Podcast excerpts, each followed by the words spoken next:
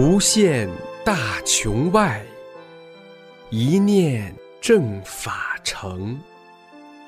师尊慈悲愿，万物沐春风。请听明慧专题《一师恩》。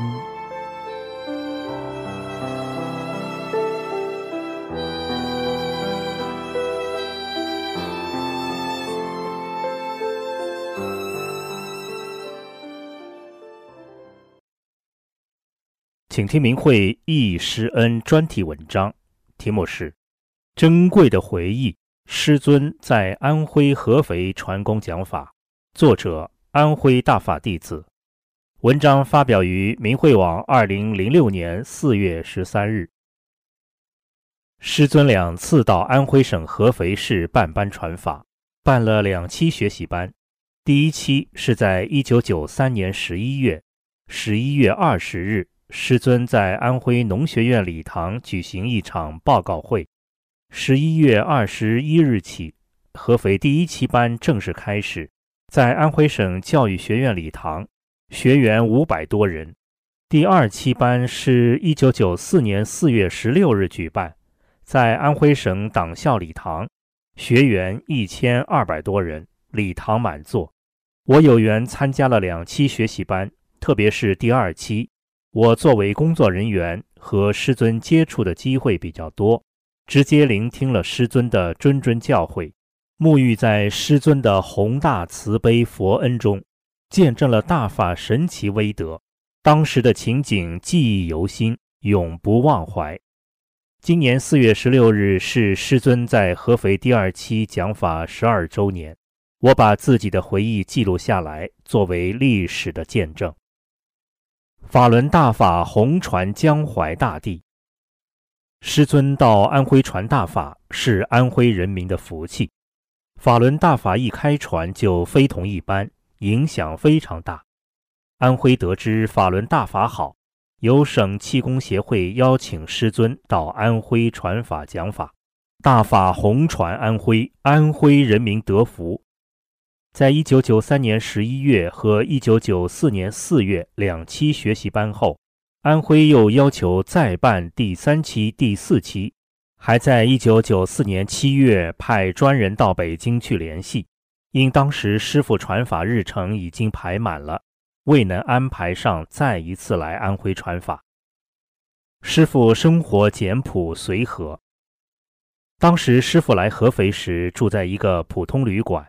建工大厦招待所，这里离讲课礼堂比较近，但是招待所设备简陋，房间里两张单人床，条件也比较差。从招待所到讲法礼堂没汽车接送，全靠步行。生活自行安排，吃食堂，特别是每天晚上讲法结束九点多了，食堂关门了，吃不上饭，只好到街边的小饭店吃顿便饭。我几次送师傅都是送到便民饭店门口，师傅和随行人员进去吃饭，我回家。我也看到过师傅的随行人员在小摊上买烧饼、油条充饥。师傅每次讲法总是提前到会场。在第二次学习班上，我作为工作人员的任务是每次讲课接送师傅。我们的条件差，没汽车接送。全靠步行，从驻地到讲法礼堂步行约二十分钟路程。第一天我去接师傅，提前了二十多分钟到招待所，出乎意料没接到，我好心急呀，心想我怎么第一天就没做好？师傅不知道路呀，心中很不是滋味。我急急忙忙赶到礼堂，看师傅在不在，问了好些人，都说没见到。连收门票的都说没见到，我到后台一看，师傅在那等着呢。师傅怎么进来的，谁都说不清。当我表示没做好的歉意之后，师傅说：“我昨天就来看过会场了，这条路我认识了。原来师傅不辞旅途辛苦，上午到合肥，下午就看会场、清理会场，关心众生得法。”第二天，我接受第一天的教训，提前一点去，可是我还是没接到。第三天，我提前四十多分钟到，一问服务员，服务员说还没走。这下我放心了，一看门还关着，心想不要打扰师傅，让师傅多休息一会儿吧。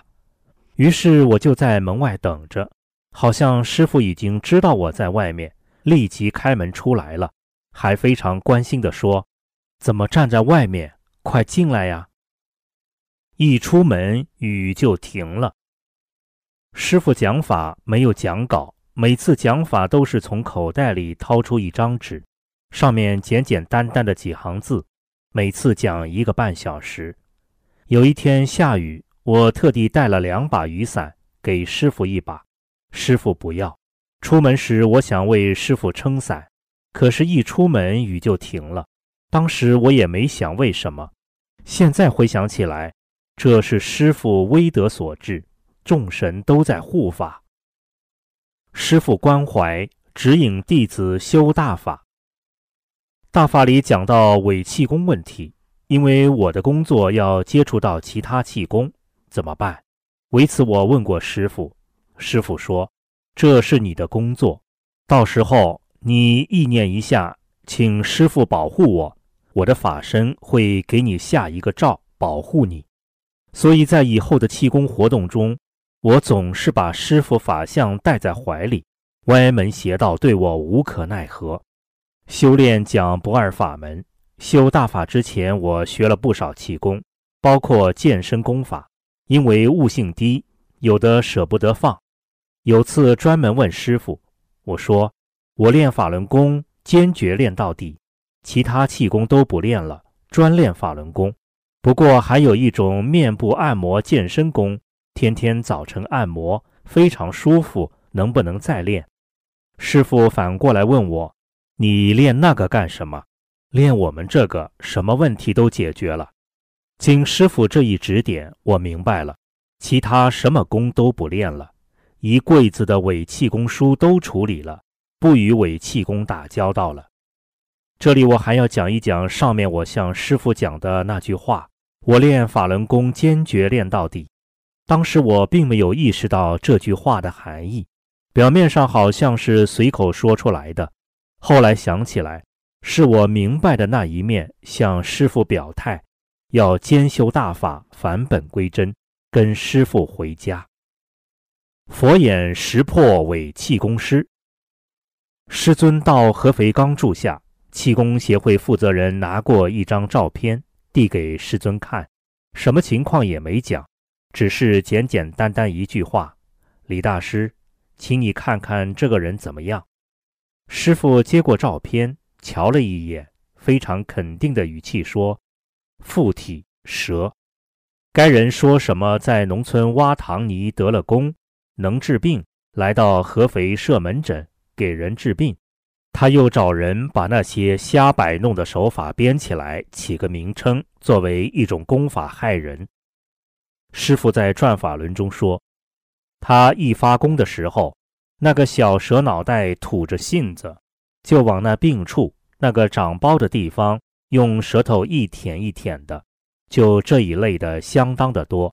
这些人的附体都是他自己求来的。这样的人看病教功，不是害人吗？”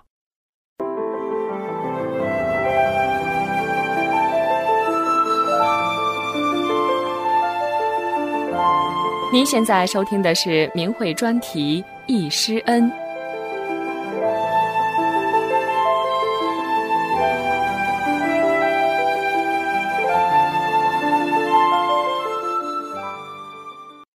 师父法身帮助弟子清理家庭环境。同修 A 六十多岁，母子二人在一起生活，儿子有癫痫病。A 参加了大法合肥第一期学习班。有一天夜里，他家卧室书架突然起火，书架上遮挡的布帘烧着了，掉在地上，水泥地还留下一块黑印。可是书架上的一盒火柴没烧着，书也完好无损，真奇。办第二期班时，同修 A 托我请问师傅是怎么一回事。当我把情况讲给师傅听，师傅说那是给他家清理，在另外空间什么都给你清理，你家里的环境也要清理的。环境不清理，各种东西干扰你，你怎么练功？简转法轮。另一同修 B，七十多岁，气功爱好者。他曾经在某寺院学了一种功法，专门传授的，感觉效果良好，还请教师傅那功法怎样。师傅说那也是正法，可以学。不过我还是建议你练法轮功。同修 B 说。我在战争环境腿受过伤，蹲不下去，无法盘坐，能练吗？师傅回答说：“不要紧，会盘上的，并告诉他如何做。”同修毕按师傅的教导去做，终于能坐地盘腿练功了。可是不久，他家出现一些怪事，令人不解。他住顶楼，老两口单独生活。有一天吃饭时，发现菜汤里有五分硬币两枚，感到惊奇。他说：“菜是我捡的，我洗的，我烧的。家里没有小孩，也没别的人，汤里硬币哪来的？”还有一次，也是他老两口在家，突然从空中洒落一把硬币，都是一角的硬币，一数共十四枚，真怪！那么高的楼，门窗都关着。水洒的，师傅在济南办班的时候，他托一位同修把那些硬币带去济南请教师傅。师傅说：“这是魔的干扰，处理一下就行了。”师傅的法身清理了同修 B 的家庭，从此以后他家平安无事了。师傅瞅人一眼就消业治病了。师傅在洛杉矶市讲法中说。有许多学员过去看见过我给常人治病，我根本就不需要动手的，我瞅瞅你就好了，瞅你的时候就打出东西去了，我从我身体任何一个部位都可以打出神通去，打出去之后，你那儿马上就好。师傅在合肥传法期间，这样的神奇事就显过好多次，我这里仅谈两例。同修 C。女，六十多岁，腿不好，行走不便，拄根拐棍还只能走一步挪一步，走走歇歇。在合肥第一期学习班上，有一天他去师傅驻地办事，师傅见他拄根棍子，就问：“你怎么拄根棍子？”同修 C 把自己腿不好的情况讲了一下，师傅说：“你把棍子丢掉，能走。”同修 C 心里很不踏实，在师傅的鼓励下放下棍子，试着往前走，一抬步真行，再迈第二步还很稳，他高兴极了，真是奇迹。师傅又叫他下楼去，不扶楼梯，然后再上来，他都做好了。从此以后，他在大法中修炼，步履轻健，走路像年轻人。我有位朋友是气功爱好者，他给我讲了这样一件事：他有个小女儿，经常肚子痛，痛得很厉害，多处求治也治不好，他自己用气功治疗也无效。得遇师傅来合肥，他喜出望外，但他也不想违反师傅关于不治病的规定。后来他想了一个办法，到水果店挑选了一个最好的苹果，只买一个，不讲价钱。要多少钱给多少，然后用新手帕包起来。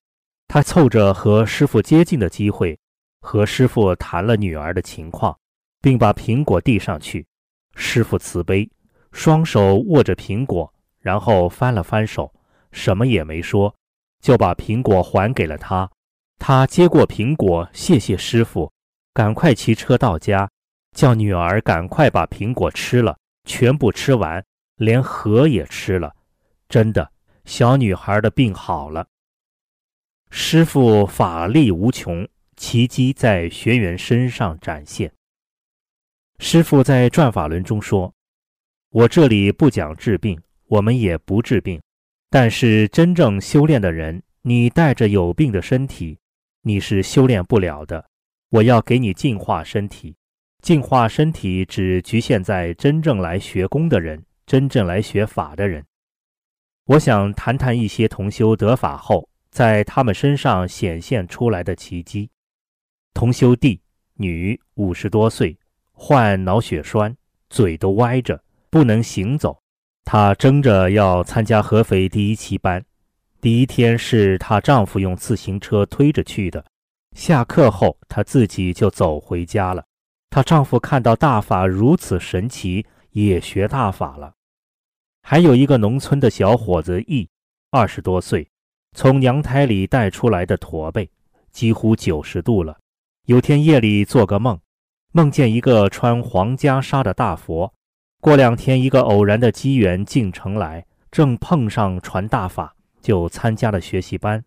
他坐后排，礼堂大人多，看不清讲法的师傅。休息时跑到前台一看，哇，原来是前天梦见的大佛呀！经过学习班，他的背直了。师傅说，他这背驼的弯曲度太大，拉不直的，只有用强大的一种功，把其骨头给打粉碎了，在打粉碎的瞬间又接上，再打粉碎，再接上，就变直了。在打碎骨头的时候，能听到咔嚓咔嚓的响声，不少人都听到过这种声音，我也听到了。茶叶盒，师傅讲法，每次一两个小时，很少喝水，有时喝点白开水。师傅不远千里来到安徽，把佛法送给江淮人民，江淮人民得福。安徽是盛产茶叶之乡。当时正值春茶上市的季节，连茶水都不招待，实在过意不去。于是我上街挑选了一种名茶——霍山黄芽，买一两正好一小盒，沏一杯敬献给师傅。这是绿茶，泡出来一股清香扑鼻。当时师傅的一位随行人员过来，我就请他把这一小盒茶叶带回招待所给师傅喝。学习班结束时，我们去见师傅。那位随行人员也在，他要把茶叶盒还给我。剩下的茶叶已经倒了出来，我叫他把盒子也带上，免得茶叶跑味，好在旅途上喝。他说：“这是师傅叫我给你的。”我说：“我家茶叶盒多，你还是带着吧。”他放大嗓子说：“这是师傅叫我给你的。”你看，师傅还坐在这里，你怎么这样了？我心想，这可能有什么玄机，接了过来，无意识地把盒子打开，看到里面有张小纸条，大约十公分长，三公分宽。当时心中激动，想看看，又不好当面看，又想还是回去看吧。回到家，打开盒子一看，什么都没有。哦，我好后悔啊！当时看了就好了，也许是师傅在点化我呢。至今我还珍藏着这个茶叶盒。永远的留念，难忘的话别。师傅每次讲法来到礼堂外面，或者下课离开会场时，总有许多学员围上来，争相和师傅握手或提问题，总想再听师傅讲点什么，往往围得不能动弹。我心着急，考虑到自己的责任，就叫大家让出一条路，让师傅走。师傅却对我说：“别这样，我们就停一下吧。”师傅带着慈祥的笑容和学员握手，回答每一个问题。也有学员把这个热烈的场面拍下来作为纪念。我们觉得能够直接听到师尊传功讲法是十分可喜的。参加学习班的学员都要求和师尊合影留念。由于人太多，组织者采取分组的办法，一共四十多个组，每组三十人左右，每组拍照，师傅都要上去，整整忙了一个下午。特别是有些学员总是想和师傅再靠近一些，再近一些。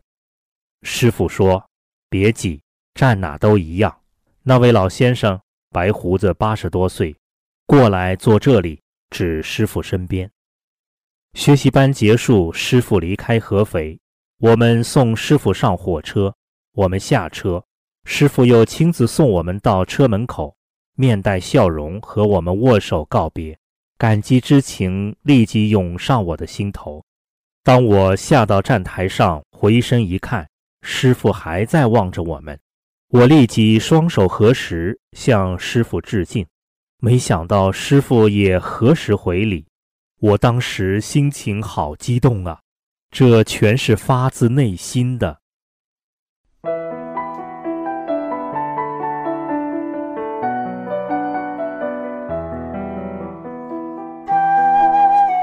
您现在收听的是明慧专题《易师恩》。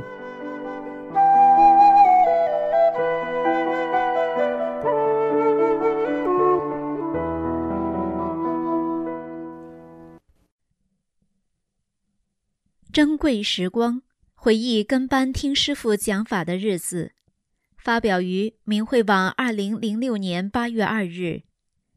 一九九三年十二月，在北京东方健康博览会上，我终于见到师傅。一瞬间，我想在哪里见过，感觉很熟悉亲切。师傅穿深蓝色西装，很年轻，就像三十多岁的样子。气质庄重，神态安详地站在那儿给大家签名。当时一排挂号治病，另一排请师傅签字。等我排到师傅面前，递上小块白纸，没带书，怕师傅手不稳，扶了一下。师傅签过，还给我。这时，师傅身旁寿阿姨工作人员对我说：“回去收好了。”我应着，舍不得离开，就在附近绕来绕去。我看到只有法轮功的展台前后左右人来人往，沸沸扬扬，人流涌动。其他摊位没多少人，再往里人就更少了。见到大家围看办班日程表，我也报了名。老学员又给了我师傅报告会的票。第二天，我随人流来到小礼堂，人多坐不下，许多人站在后面听。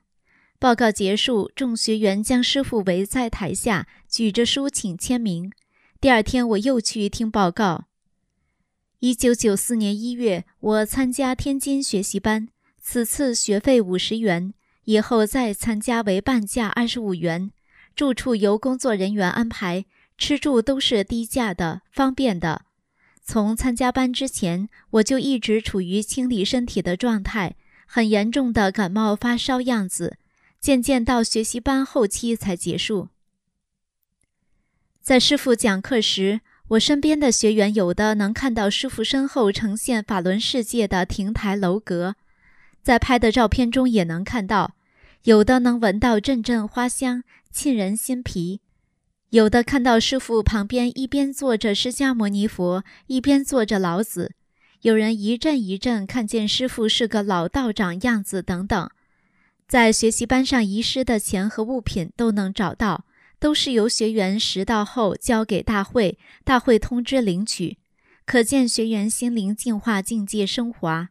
我有一次丢的小包就领回了。在课下，我认识了许多学员，有的谈起身体的巨大变化，有的说开天目的感觉，有的有功能能看到什么了。一次，一个学员说他做个梦。见中国地图呈现眼前，告诉他法轮功将在全中国传。一天课前，我们几个商量着，师傅只能从那一条路到会场，就在路边等师傅照相。可是等了许久，东张西望也不见师傅身影，时间来不及了，赶快去会场，师傅已经在讲台上了。想来是因为我们太执着了。天津的冬天到处给人脏乎乎的印象。那时，师傅穿着浅蓝色的羽绒服，人群中显得干净利落。和各地学员照相时，由于那时新学员较多，队形站好没站好的都请师傅，师傅被拥来拽去的，始终很平静。天津班一结束，我们一行五个人就登上了去山东东营的火车。中国新年要到了，我们也不回北京了，去垦利等师傅。同行的老阿姨是开着修的，身体感受极为敏感，天目能看到很多，但很少说。他说：“师傅的法身一直坐在火车头上，其实我们几人都在师傅衣兜里。师傅让他领好我们，到了哪站他就跟师傅汇报。到了肯利招待所，我们住三楼。中国新年刚过，师傅一家三口和工作人员都来了，住一楼。课程中间，我们随师傅去了一趟胜利油田，听师傅做报告。在肯利，为了照顾上班的人。”是每天晚上上课，上午师傅让随行人员带大家在楼前练功辅导动作。一天，我们几个准备去黄河大桥看看，还没出院子，见师傅步履匆匆迎面走来。我们向师傅合十致礼，师傅还礼，并和头里的老伯说话。师傅手中拿一卷红纸，老伯说是用来写办班日程的。我就想。这点小事也亲自跑一趟，要让谁去？谁不乐颠颠买回来？后来小弟子看见师傅在屋里写字，晚上就贴在礼堂里，是楷书。一个晚上约十一点钟，我们没练功就要睡下。小弟子眼瞪着天棚，问他看什么呢？他说：“师傅法身好大，坐在楼顶练功呢。”我们明白是师傅点我们练功。在讲课中，师傅说让我们专心听课，不要录音或记录。我们几个坐在前排，老伯就想录音，自己录不上了，就让坐在第一排的我来录，以为我年龄小可以侥幸。我和师傅坐个对面，拿个小录音机，当然一直录不成。然后我们就老实了，我们知道这是师傅对我们的爱护。从天津学习班跟来的一对农民夫妇，带着十一岁的女儿，小女孩是白血病，经过跟班，师傅调整，大有好转。小女孩原来都是由父母背着，在肯利时，她每天能和师傅女儿和其他小朋友玩了，跑跑跳跳的，嘴唇有了血色，脸色也转过来了。她妈妈非常感激师傅，和我们说起来就哭。您现在收听的是明慧广播电台。您现在收听的是明慧广播电台。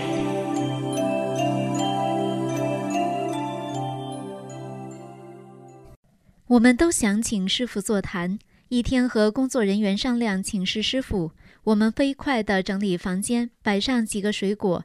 一会儿师傅就来了。师傅坐下来，笑眯眯地看着我们，围着坐了一圈。门外还有学员。师傅和大家说话。师傅对面就近坐着一阿姨，前倾着，激动地诉说她练功时的感受。我感到在师傅面前，大家都像孩子似的，在自己父亲面前倍觉亲切，一点生疏隔阂也没有，笼罩在师傅强大的场中，其乐融融，思想纯净，好舒服自在。真的在师傅身边，比任何亲人还亲，还踏实，什么都不想，什么都忘了，就感到幸福。师傅鼓励大家好好修。后来大家和师傅照相，小男孩飞快地跑去拿来自制的法轮图，依偎在师傅身前。这次座谈给我们留下了无比珍贵的回忆。学员们在饭厅吃饭，师傅和工作人员也在那儿吃。从那时起，我们就更加注意吃不完就打包，不浪费饭菜。最后一课的第二天上午，师傅在楼前和大家合影。由于肯利班学员较少，北京学员照了一张合影后，然后个人三三五五和师傅合照。师傅一直笑呵呵地站那儿等学员。分别的时刻还是来到了。下午在院里，师傅和工作人员上了面包车。学员们何时向师傅再见？那小男孩追着车跑出去好远。他妈妈看见师傅指他的鞋子，鞋带开了，男孩只好停下来。师傅在国内办班，我记得每次班，尤其是九四年上半年前，都有捣乱的。有时是会场内突然孩子哭，有时会场外传来喧哗声、叮当打凿声、汽车鸣响声。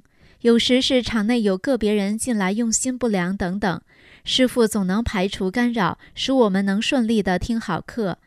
六月份我参加了郑州班，开始是在一个工厂里极老旧的小礼堂，水泥地面，四周是人做的水泥方子。师傅讲台是个木讲桌。第二天赶课时，好像是照顾学员费用不足的，上午和下午都有课。有学员递上一瓶矿泉水。那天外面下着连绵细雨，大概到了一点半前后，讲到附体那段时，外面突然的红暗起来，大的冰雹和着大雨点噼啪噼啪砸在棚顶石棉瓦上和窗玻璃上，有的地方还漏雨。突然电停了，室内黑乎乎的，坐在讲台前三五米都看不清师傅了。师傅仍在讲课。一会儿，讲台上面棚顶漏了，水哗哗流到讲台上。师傅停了下来，对我们说：“当年释迦牟尼讲法时，一阵风把蜡烛吹灭了，他的弟子们谁也没有动。”我们明白师傅示意我们不要乱，就静静地看师傅怎么处理魔的捣乱。只见师傅静静坐了一会儿，然后喝了矿泉水。一般师傅讲课不喝水，坐上讲台。打了一阵大手印，最后一个动作将什么东西收入瓶中，又接着讲。师傅还说了一句话，大意是说触及到他们就不干了。马上来电了，雨也小到几乎没了。第二天我们换到崭新的郑州体育馆里听课，场面宏观壮观。我纳闷儿，体育馆能容那么多人，先前小礼堂那么小，竟然也容下了。一天阳光明媚清澈，师傅和学员们都在场外。师傅神采奕奕，微笑中含着无限信心似的，神态极祥和。看着远处，我到近前看师傅，面容光洁，脸色好极了，就像在发光，特别清晰完美。我想师傅见这么多学员成长起来，一定是特欣慰的吧。还有在住宿后。一天，服务员说起，我们来之前，有一位高个子中年人带着人来看过这里。我们听其形容，知道一定是师傅亲自来此清理场地、看顾我们，心中多么感动。济南班时，好像在郑州班之前又见到了师傅，师傅明显消瘦，神色常常是凝重严肃的，略显疲惫似的，穿一件褐色外套。只听说当时师傅承受着很多压力，很辛苦的。我在得法之后发生过两件很危险的事，一次是走在街上走神了，突然耳旁一声断喝：“不要命了！”抬眼一看，眼前一厘米处一根钢筋已至，工人卸钢筋呢。要不是得法修炼，不就穿上了？另一次是骑自行车，眼见一卡车木方在前方好远。不知怎的，一走神的功夫，我一下撞在木方上。原来车停那儿了。翻鞍落马，多亏戴着帽子，闹个头晕，晃晃头就好了，不然就毁容了。其实自己不知道的难，师傅不知给化解了多少。身边一位同修抱着三岁的小女孩，有一天师傅拿钢笔点了一下小孩眉间，那孩子就此开了天目。在以后常敦促他妈妈修炼。一九九四年在长春参加了上午班，我们还想参加晚上班，可是没票了。大家都进去了，我们仍然徘徊在外面，不舍离去。师傅开讲了，我们把耳朵贴在明放宫大门缝那听。不一会儿，就有工作人员叫我们进去听吧。哦，师傅真好啊！课后照相时，师傅和各地学员合影。突然，我听到合影处一片热烈的掌声。问别人说是一位老人从轮椅上站起来了。其实参加班的人有被师傅直接治好的，有的无形中好了病的，比比皆是，不胜枚举。我身边常在一起的两个阿姨，都是常年卧病在床，得法练功后迅速康复，比正常人还健康呢。跟师傅好几个班。他们的家人心知这都是修大法受益了。我自己从练功后，心口痛不见了，月经不调也正常了，身体越来越好，精力充沛。我记得在长春最后一课，师傅讲话说：“你们是将来的主力军。”师傅早说，学员不要总跟班跑，要回去实修。我当时不理解实修含义，心想，反正只要师傅办班，尽可能跟上。过了一阵子，又参加了广州班。在广州班，有时课后回到驻地，根本不饿，饭放在眼前不想吃。我们知道场上师傅能量充实，无论在广州还是济南，我都听学员说，看见师傅和女儿在吃方便面。我觉得师傅一九九四年这一年老得特别快。都是在为众生承受啊！每次参加班的过程中，许多自己都没想到的困难，师傅都在无形中安排的天衣无缝、事无巨细。例如，郑州班结束后，我没有及时买到车票，开车前匆匆赶到火车站，正好有一人在窗前退票，买了票上车一看，正好在我认识的那些学员中。在长春火车站前，正犯愁怎么找旅店。一抬眼，正看见认识的阿姨从公交车后窗里向我招手嘞。出去外地听课，没想自己怎么能找回去。课前就有学员骑摩托问我带上我找到旅馆。虽然我费用上吃紧得很，但只要想参加班，总有机会，总能凑出钱来。即使向他人借，回来后很快就能还上。练功点发资料，我总能赶上。想听磁带，总能借到。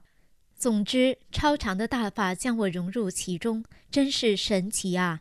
回想刚得法那段时光，师傅的呵护、同修的帮助和关怀，真是无比幸福啊！拙笔粗陋，亦不能表达十之一二。希望自己以后做得好些，不枉费师傅的巨大付出和慈悲普度。写出来是自勉，也是和大家分享，鼓励同修们都做好。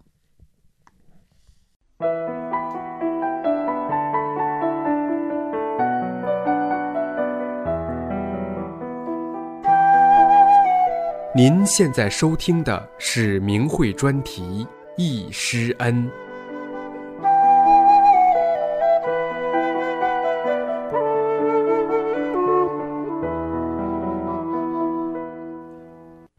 请听易师恩专题文章。回忆恩师在传法传功过程中的感人故事，作者青岛地区大法弟子王真，明慧网二零零六年五月二十九日。我有幸三次参加师傅讲法班，聆听师傅讲法，回忆其中点滴过程，恩师的音容笑貌、感人故事仍历历在目。十几年来幸福的回忆和难忘的师恩，激励我在修炼的路上不断精进。现在写出来与同修分享。第一次是在一九九三年六月二十五日在长春市得法的。到长春后，听说师傅在省委礼堂办第五次学习班，当时票已卖完。又听说师傅在吉林大学做报告，我和另一位同伴参加了师傅的报告会。越听越觉得师傅太伟大了，法太好了。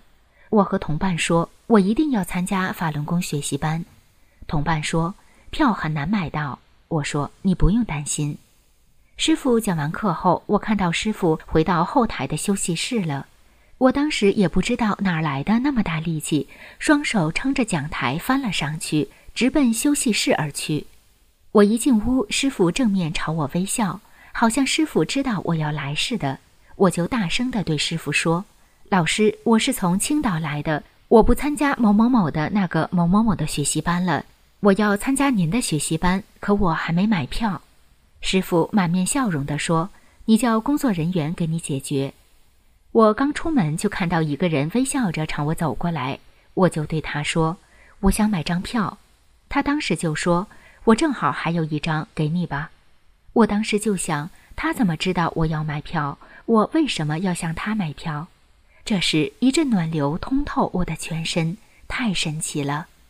到学习班上，看到从全国各地来的学员，真是人山人海，把整个礼堂挤得满满的。这时，师傅说：“请工作人员注意，从全国各地赶来参加的学员，你们要像对待你们的父母兄弟姐妹一样的照顾他们。他们有什么困难，要给予解决。这是多么伟大慈悲的师傅呀！我从心里感到温暖。”在班上听师傅讲法，越听越觉得师傅太好了，法太好了。我下定决心要永修法轮大法，所以要拜师。从这天开始，我就一直想着找机会请求拜师这件事，一直没等到机会。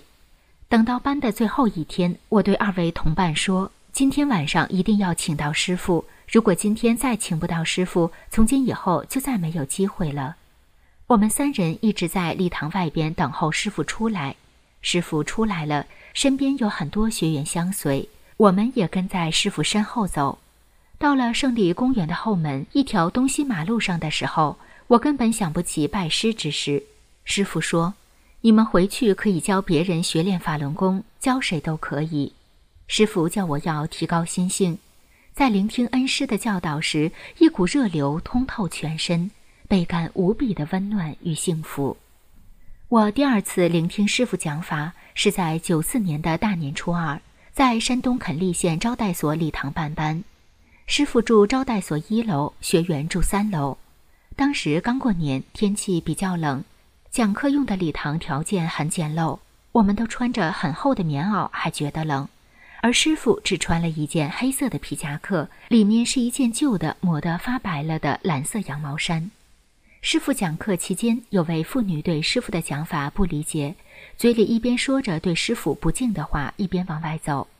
我对同伴说：“你看着，这个人保准走不了，这么好的法，他一定走不了。”果然，他没有走，而是坐在礼堂后边，一直听完了师傅的讲课。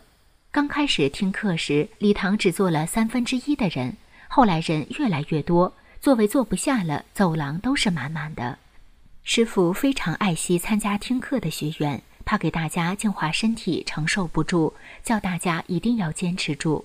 那几天厕所是排不过号来，几乎人人都是腹泻和不同程度的净化身体的反应。我练完动功，脚底下排出两堆冒着泡沫的脏乎乎的液体。记得一次课间休息，我有缘坐在师傅身边，我兴奋得像个孩子似的对师傅说：“老师，我现在可看清楚您了。以前您在讲台上讲课，离得远看不清。”师傅很亲切地说：“你现在好好看吧。”眼前的师傅亲切随和，没有一点架子，而师傅的脸色特别红润。皮肤特别细嫩光滑，浑身透着一种特别的说不出的气息，真是非常的英俊。我又对师傅说：“从长春回来后，我天天想您，天天看见您就在我前上方一米处的地方看着我。”师傅说：“其实我天天就在你身边。”有一天，大会工作人员到三楼来对我们说：“师傅一会儿上来看望你们。”当时整层楼的学员都兴奋地欢腾起来。就在这时，伟大的恩师来了，大家使劲的鼓掌欢呼，兴奋的心情无法用语言表达。请师傅坐下后，大家争抢着向师傅汇报心得体会，和师傅合影留念。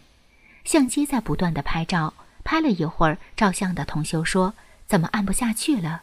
师傅轻声说：“压着头了。”原来有一位学员无意中把手放到了师傅的头上，这个学员急忙把手放下来。照相机又开始正常的拍照。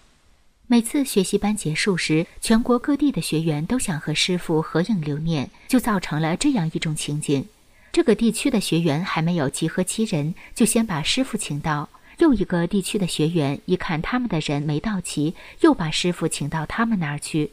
结果师傅要等着没到的学员。当时我想，学员这样做对师傅有不敬之意，我感到心中难过。可是，我们伟大的恩师还是微笑着在等学员。师尊像个慈父一样的珍惜呵护他的每一个孩子。此时，我怀着最崇高的敬意走到师傅跟前，对师傅说：“我有个小小的请求。”师傅说：“你说。”我就说：“老师，您的办班时间太紧张，太累了。班与班之间只有两天的时间，我想请求师傅把时间再稍微延长一点。”当时肯利的班还没结束，别的地区已经有人来请师傅了。这时，慈悲的师傅马上握着我的手说：“这个你放心，我受得了。”我也双手紧紧地握住师傅的双手，一股强大的热流通透全身，幸福无比。常人永远也体会不到这种幸福。十几年来，这九个字一直在我的耳边回荡，激励着我坚定地走在修炼的路上。第三次是在九四年的六月二十五日，师傅在济南皇庭体育馆办班，共有四千多人参加了学习班。当时天气非常的热，在班上很多学员不断扇扇子。师傅说：“大家是不是把扇子放下？这是个悟性问题。”大家把扇子放下后，只觉得阵阵凉风不断吹来，从脚下吹满全身。但是伟大的恩师在这么热的天气给大家讲法时，却连一口水都不喝，还在关心着学员。恩师真是为了他的弟子吃尽了苦，操碎了心。和慈悲伟大的恩师在一起的幸福时光是永远难忘的。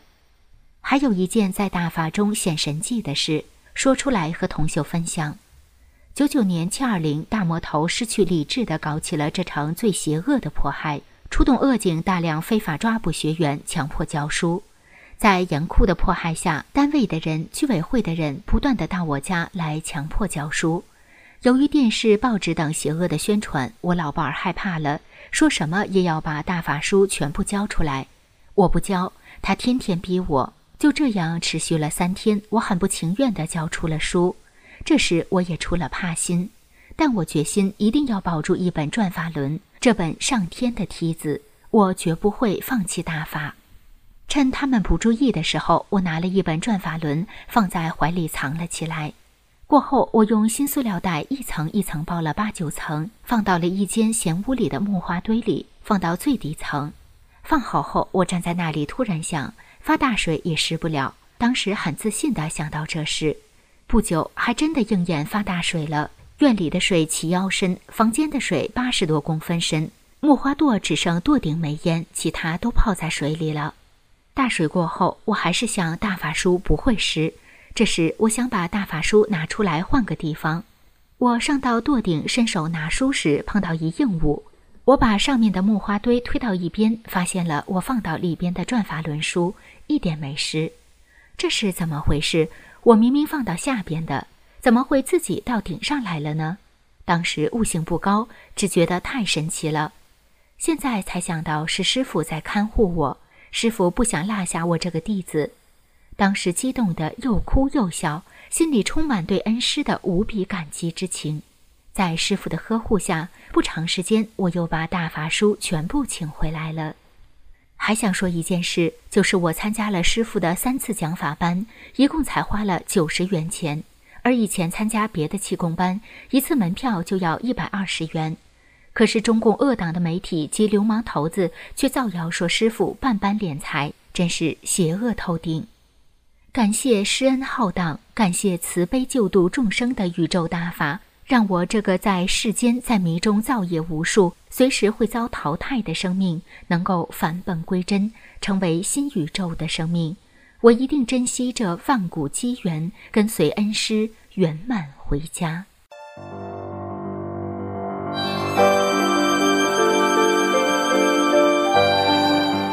这一期的一师恩就到这里谢谢收听。